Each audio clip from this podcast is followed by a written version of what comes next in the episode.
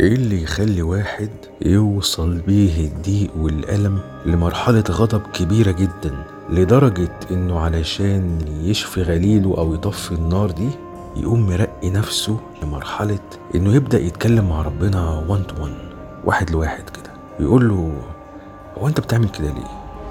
طب أنا بقى متضايق منك.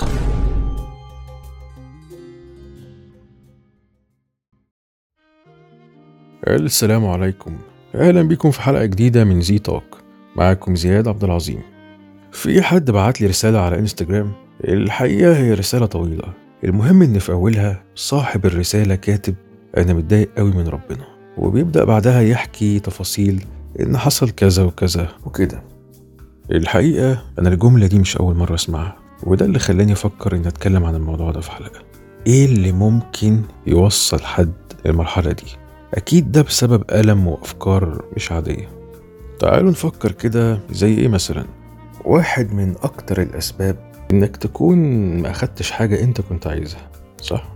سواء بقى حد ما ارتبطتش بيه آه، كان نفسك تتجوز شخص معين ومعرفتش شغل حاولت تحصل عليه وعافرت وبرضه منفعش آه، كلية كان نفسك تدخلها وما قدرتش أي حاجة كان نفسك فيها وسعيت ليها ويمكن كمان دعيت ربنا إنه يديها لك ولكن ما حصلش مش كده؟ فطبعا حسيت بإحباط حسيت بخيبة أمل وكمان مش شايف سبب واضح أو مبرر إنك ما تاخدش الحاجة دي صح؟ طيب دي ليها احتمالين ويا ريت اللي بيسمعني يفكر معايا كده ولو حد شايف حاجة تانية غير كده يبعت لي طيب أول احتمال إن يمكن أنت حد كويس أوي أو حتى لو مش كويس أوي فأنت في معية أو ربنا حافظك عارف زي إيه كده؟ زي كده لما يكون عندك آه، ابنك طفل مثلا عنده سنة أو سنتين وماسك كورة صغيرة أو لعبة وبيحطها في بقه عايز يبلعها هتقوم أنت جاي بسرعة واخد الحاجة دي من إيده وبعيدها عنه أو خفيها هيقعد يعيط ويصرخ وهيبقى متضايق منك جدا إنك أخدتها منه ومش فاهم أنت بتعمل كده ليه. هو كل اللي فاهمه إنه كان نفسه يبلع الكورة دي ومبسوط بيها وأنت من غير أي سبب واضح ومن غير ما يعمل لك أي حاجة رحت جاي واخدها منه وأنت صعب تشرح له أنت عملت كده ليه. لكن أنت شايف وعارف السبب المنطقي الأكبر اللي خلاك تاخد منه الحاجة دي وعارف كويس قوي المساوئ اللي كانت هتحصل لو كنت سبته ياكل الكورة دي أو يبلعها. فنفس الكلام اللي انت تمنيته ما أخدتهوش ده كانت لحاجة في صالحك في الآخر. انت ممكن ما توفقتش انك تشتغل الشغلانة دي أو ما تتجوزش أكتر شخص انت حبيته ده لحاجة لصالحك أو لصالحه على فكرة. يعني ممكن ربنا يبعد عني شخص عشان أنا ما أتعبش في حياتي بعدين أو عشان هو ما يتعبش معايا بعدين. يعني ممكن أنا ما استهلوش الاحتمال التاني بقى لإنك تكون ما أخدتش حاجة انت كان نفسك فيها مش بقى إنها مش في صالحك لأ. فعلا ممكن كانت تبقى مناسبة ليك وما فيهاش ضرر لأي طرف ولكن أنت سعيت ليها بالشكل الغلط.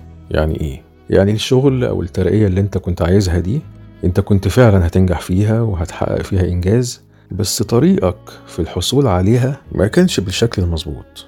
طيب يعني برضو زي إيه كده؟ تعالوا ناخد مثال إنك كنت عايز تتجوز حد معين وبعد ارتباط سنين كتير والدنيا حلوة وإنت عارف ومتأكد إن هو ده الشخص اللي هيسعدك وإن هو كمان سعيد معاك لكن الموضوع ما حصلش. آه أمال إيه بقى؟ طيب خليني أسألك سؤال بس كده. إنت دلوقتي واحد طالب من ربنا حاجات وبتزعل منه وبتلومه لما ما يعملها لكش صح؟ حلو. طيب هل لما إنت كنت مرتبط بالحد ده هل كان شكل العلاقة بينكم وأعتقد مفهوم أنا قصدي إيه بشكل العلاقة بينكم. هل كان شكلها ما يزعلش ربنا منك؟ يعني أنت دلوقتي حد بتشوف اللي ليك وبتطالب بيه بكل قوة وبتغضب واجريسيف كمان. تمام.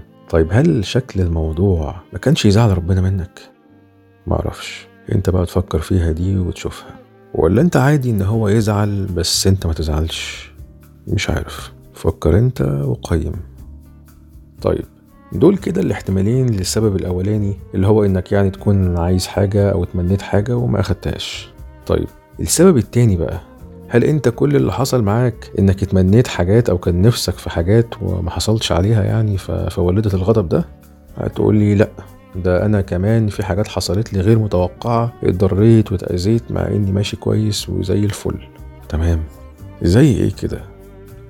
زي إن واحد يبقى متجوز أو واحدة متجوزة وكويسة وما بتعملش حاجة غلط ومراعية بيتها وجوزها وكل حاجة ولكن حياتها جحيم. ظلم بقى وقلة احترام وعدم تقدير وهكذا. أو العكس يعني أو راجل كويس بس مراته هي اللي كده. هنا بقى الموضوع اختيار.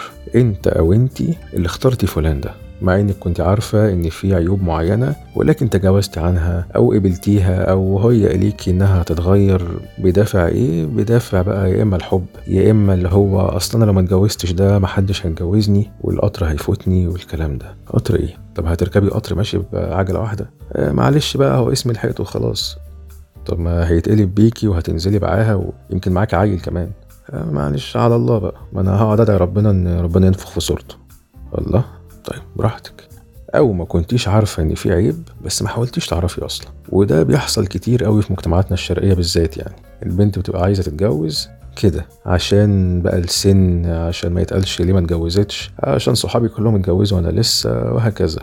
فالمهم اني آخد اللقب وخلاص حتى لو هبلع زلط. لأن أكيد لو حد عايز يتجوز عشان فعلا حياته تتحول وتبقى أحسن ويستقر نفسيا لا أكيد هيركز قوي هو بيختار مين.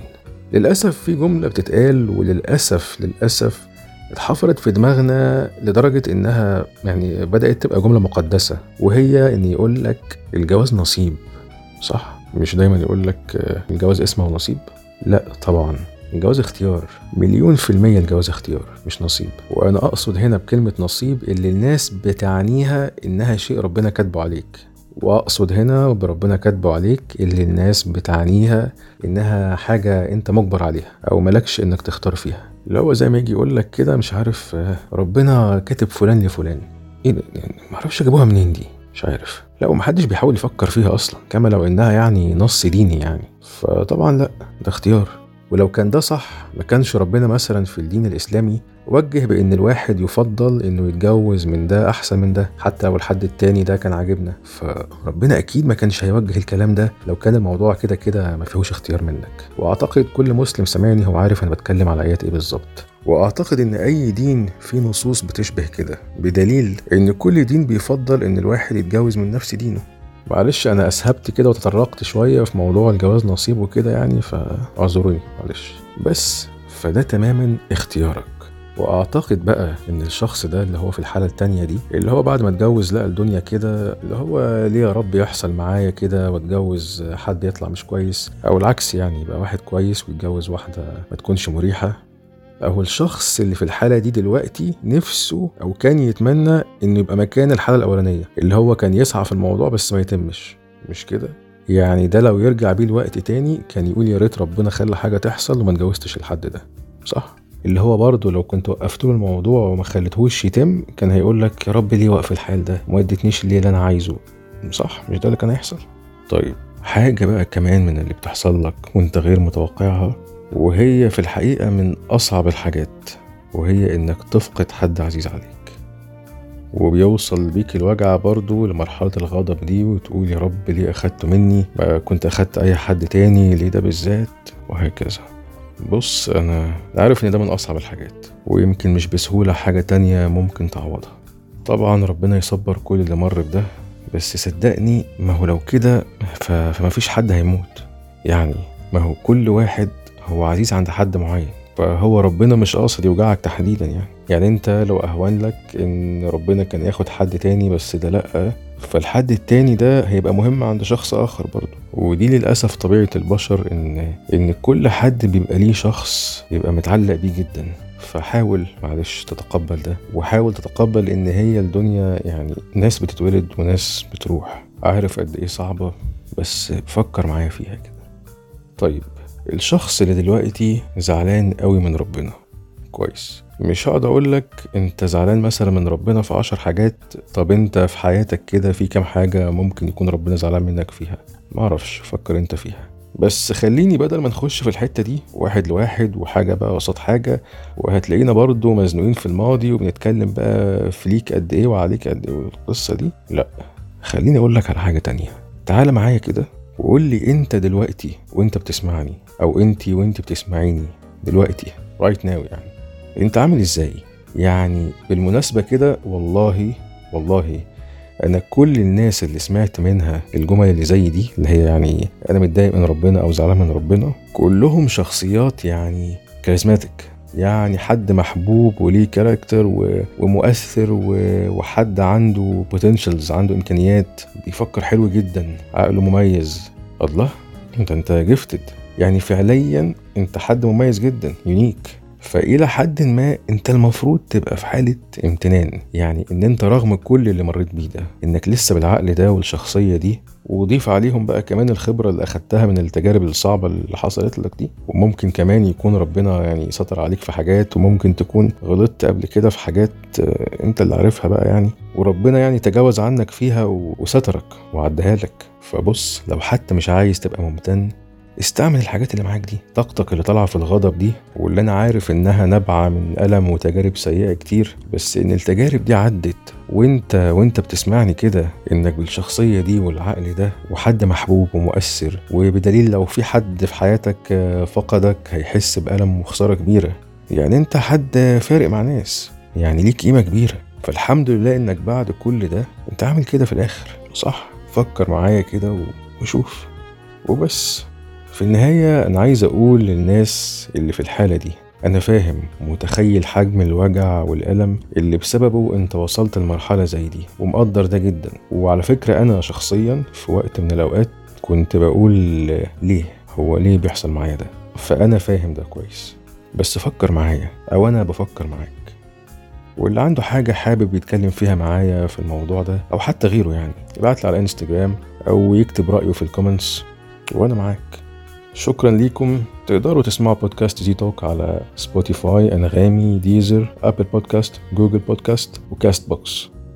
واللي بيسمعني على أي platform أو على أي حاجة من الحاجات دي فإحنا كمان موجودين على يوتيوب على تشانل زياد عبد العظيم. شكرا ليكم. سلام.